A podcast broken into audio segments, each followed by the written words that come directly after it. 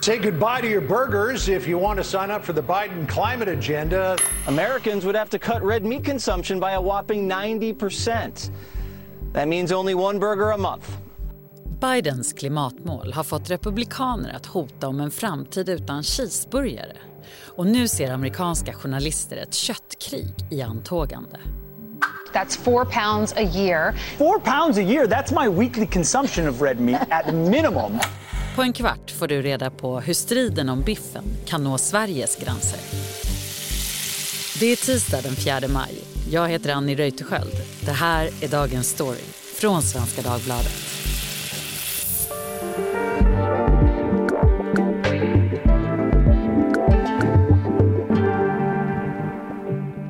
Göran Eriksson är politisk kommentator på Svenska Dagbladet. Men idag så ska vi ta oss utanför Sveriges gränser för att sen landa här hemma igen.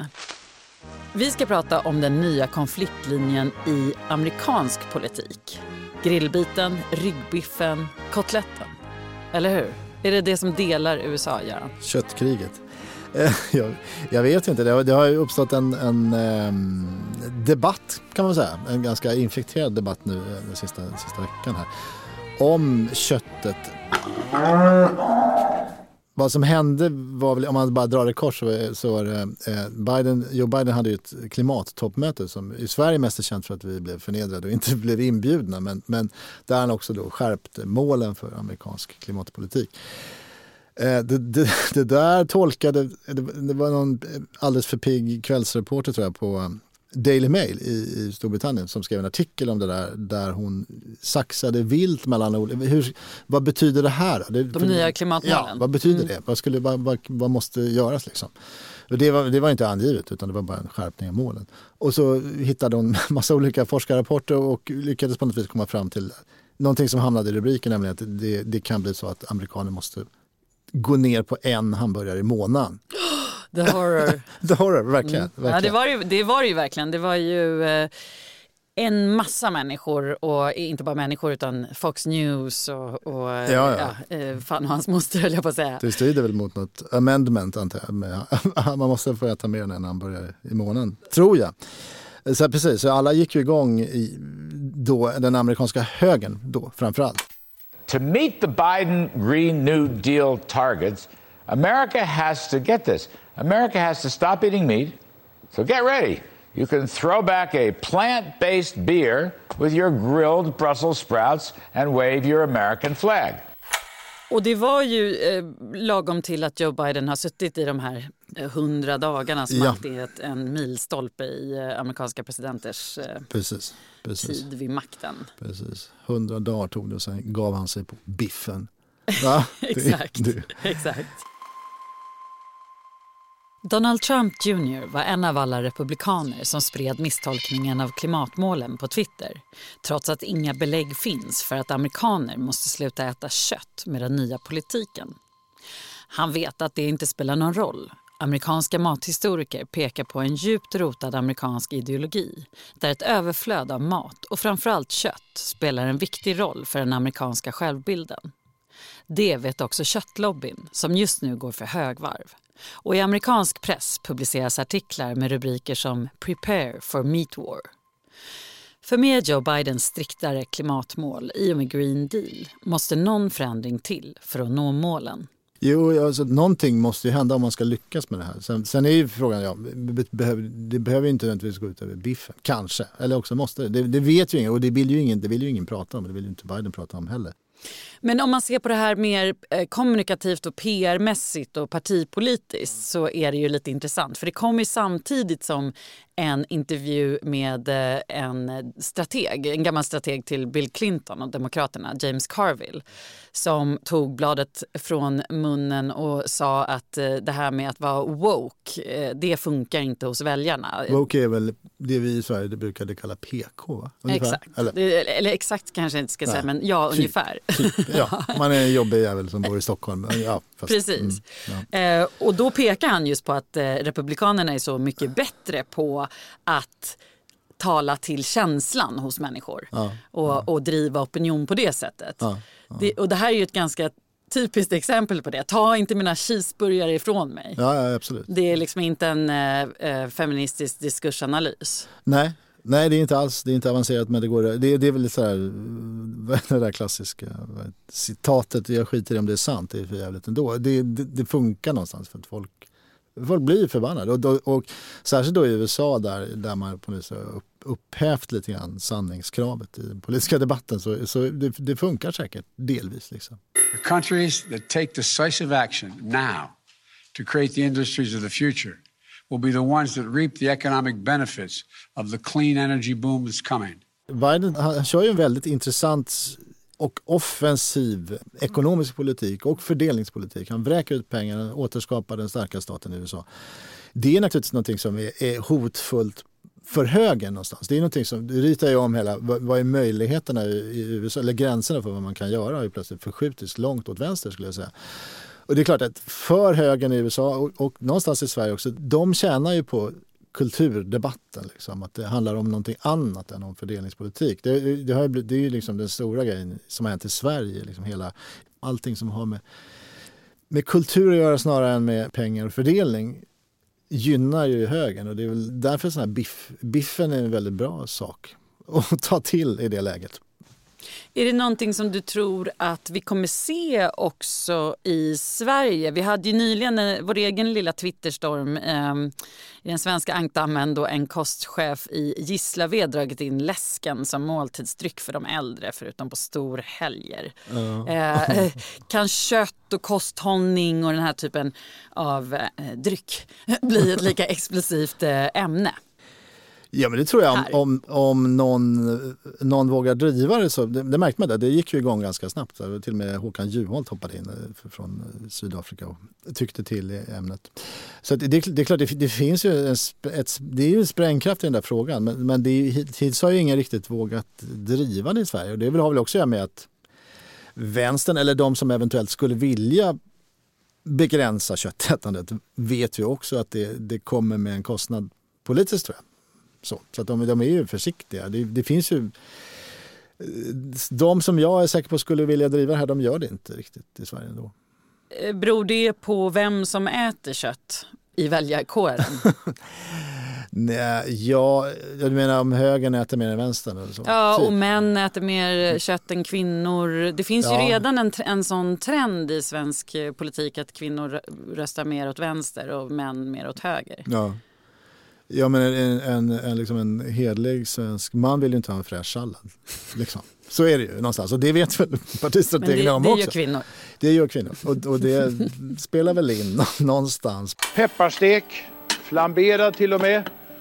Till detta så tänkte jag servera en frasig, nystekt potatiskaka. Nej, men det, det, är ju liksom, om man skulle titta på det svenska politiska landskapet, var, var trillar det här köttkriget ner någonstans? Det, det, skulle man ju säga, ja men det, det, går perfekt in i den här nya skiljelinjen mellan Centern och, och eh, Liberalerna, någonstans höger, vänster, som, som då är kulturellt styrt ganska mycket. Där skulle man tänka sig ja, men, att de som är på vänstersidan skulle inte gilla kött. Men det är inte riktigt så enkelt. Jag, jag tror att det, det är mycket mer komplicerat. Jag skulle säga att konservativa i, i bred mening, även sossar, gillar kött. De vill grilla och sådär. Och det, det, eh, Annie Lööf som ju då kanske borde höra till kulturvänstern ju, ägs ju av LRF och köttbönderna så det, därifrån kommer du inte att få någon opinion mot kött. Vuxit upp på en gård ja. i Maramö. Ja. Hur många gånger har man inte hört det? Grillat korv, vi har till och med korvgrillning i Maramö. Så där, jag tror inte det finns något hopp därifrån om man vill stoppa köttätandet. Så det, det är väl liksom eh, Vänsterpartiet och Miljöpartiet kvar som skulle kunna driva det här. De båda regeringspartierna, Socialdemokraterna och Miljöpartiet har precis gett Folkhälsomyndigheten och Livsmedelsverket i uppdrag att utforma nationella mål för en hållbar och hälsosam livsmedelskonsumtion i Sverige. Arbetet är bara påbörjat men har redan fått mothugg. En framtid ingen är sugen på, skrev till exempel Svenska Dagbladets liberala ledarskribent Mattias Svensson i en kommentar. Men om riktlinjerna innehåller pekpinnar om svenskarnas köttkonsumtion eller inte är för tidigt att säga.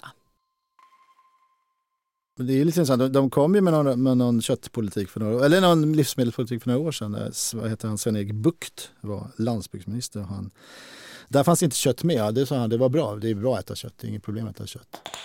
Politiken ska nog hålla borta sig från den svenska kök köket på det sättet i alla fall. Äter du själv kött? Jag äter kött. Jag tycker om kött.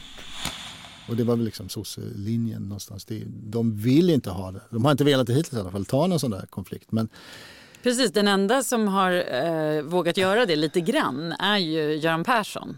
Ja, ja, i någon sån där inspirerad stund. Jag vet, han hade läst en bok om veganism tror jag. Och, och då uttryckte han att han kände tvekan inför julsyltan eller något sånt där. tror jag. Precis. Nu är han köttbonde. Men då var, då var någon dag där var han i alla fall lite så. Det väckte stor uppmärksamhet då. För det gör ju det, för den här frågan är, den är känslig. Liksom. Den är... Och då rasade ju bönderna mot honom eh, faktiskt även då. Alltså, Ja. det, ja, och till och med Göran Persson fick... Eh, eh, Fick äta upp syltan. Eh, ja, Ja, exakt. precis. Nej, men om man tittar på det så, som en politisk fråga då. Eh, om vi tittar på Norge så eh, har ju Fremskrittspartiet som är högerpopulistiskt. Eh, där har Sylvie Listhaug eh, kört hårt på att alla ska få bestämma själva om eh, både alkohol och kött och eh, tobak. Ehm, och, och hon har ju liksom eh, tryckt på det där väldigt liberala. Att eh, jag tror att människor själva kommer välja det som är hälsosamt. Hvis du ønsker å la spise kjøtt en dag, så la være, da. Men la alle andre som ønsker noe annet, få lov til å leve livet sine i fred. Men den positionen har vi inte riktigt sett här heller. Om vi, om vi nu inte har de som... In, ingen vågar säga ät inte kött. Men det är heller ingen som Sylvie Listhaug i svensk politik. Det har väl passerat någon sådär, någon moderat som sa grilla mer tror jag, för ett tag sedan. Men, men nej, det, nej, tyvärr, nej, eller ty, tyvärr ska inte jag säga. Men, de får säga vad de vill. Men det är, jag tror, eh, gott och ont då, man kan ju diskutera om det här, är det bara en pseudodebatt, men jag tror att de, det är lite oemotståndligt för högern i vid mening att inte driva det här. Det, det, alltså du, du nämnde norska Fremskrittspartiet, det är ju det är också en klassisk eh, ytterhögerposition. I Sverige, de här Skånepartiet eller de hette, det var ju mycket så här fläsk, vi måste äta fläsk och det handlar om att markera lite mot, mot islam också någonstans. Det, det, finns ju, det, var, var, det Mm, var en dansk det. som lindade in eh, Koranen i bacon, om man talar mat och politik. Mm. Eh, så det, det finns ju massa kulturella markörer som de skulle tjäna på att lyfta här eh, och, och få till en konflikt. Så att jag tror att vi kommer att se, jag tror att vi kommer att se försök från den sidan. I alla fall, det tror jag. Jag kommer ihåg Anna Kinberg Batras eh, kommunikationschef eh, Per Nilsson. Han var, när han jobbade på Moderata kansliet, då var han ivrig kött-twittrare bland annat. Kött-twittrare, ja. ja. Ja, men det, och det ser man ju från ändå Moderaterna oftast kanske. Det Ja. här eh, att man hyllar köttet Ja. nästan lite provokativt. Jo, precis. Ja, men det tror jag, för man letar efter den. Man vill gärna ha den där konflikten. Jag, jag kom, det, det, visst var det Folkhälsomyndigheten som fick det här uppdraget av regeringen, eller hur?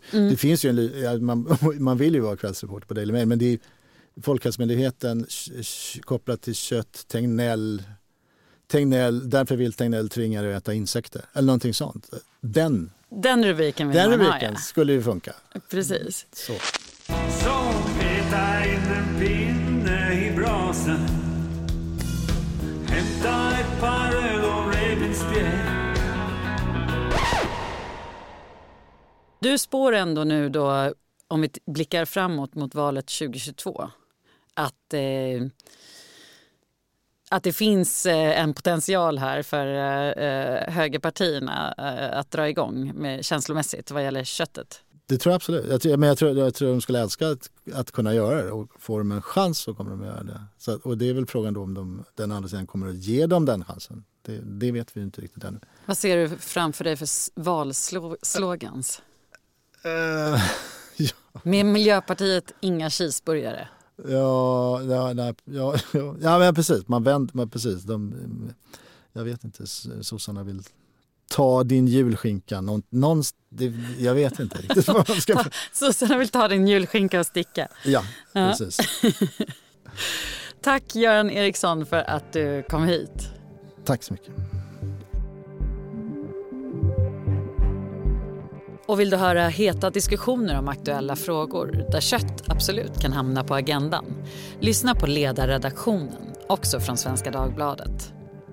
Vi som gjorde programmet idag är producent Daniel Persson Mora, redaktör Maria Gelmini Och jag heter Annie Reuterskiöld.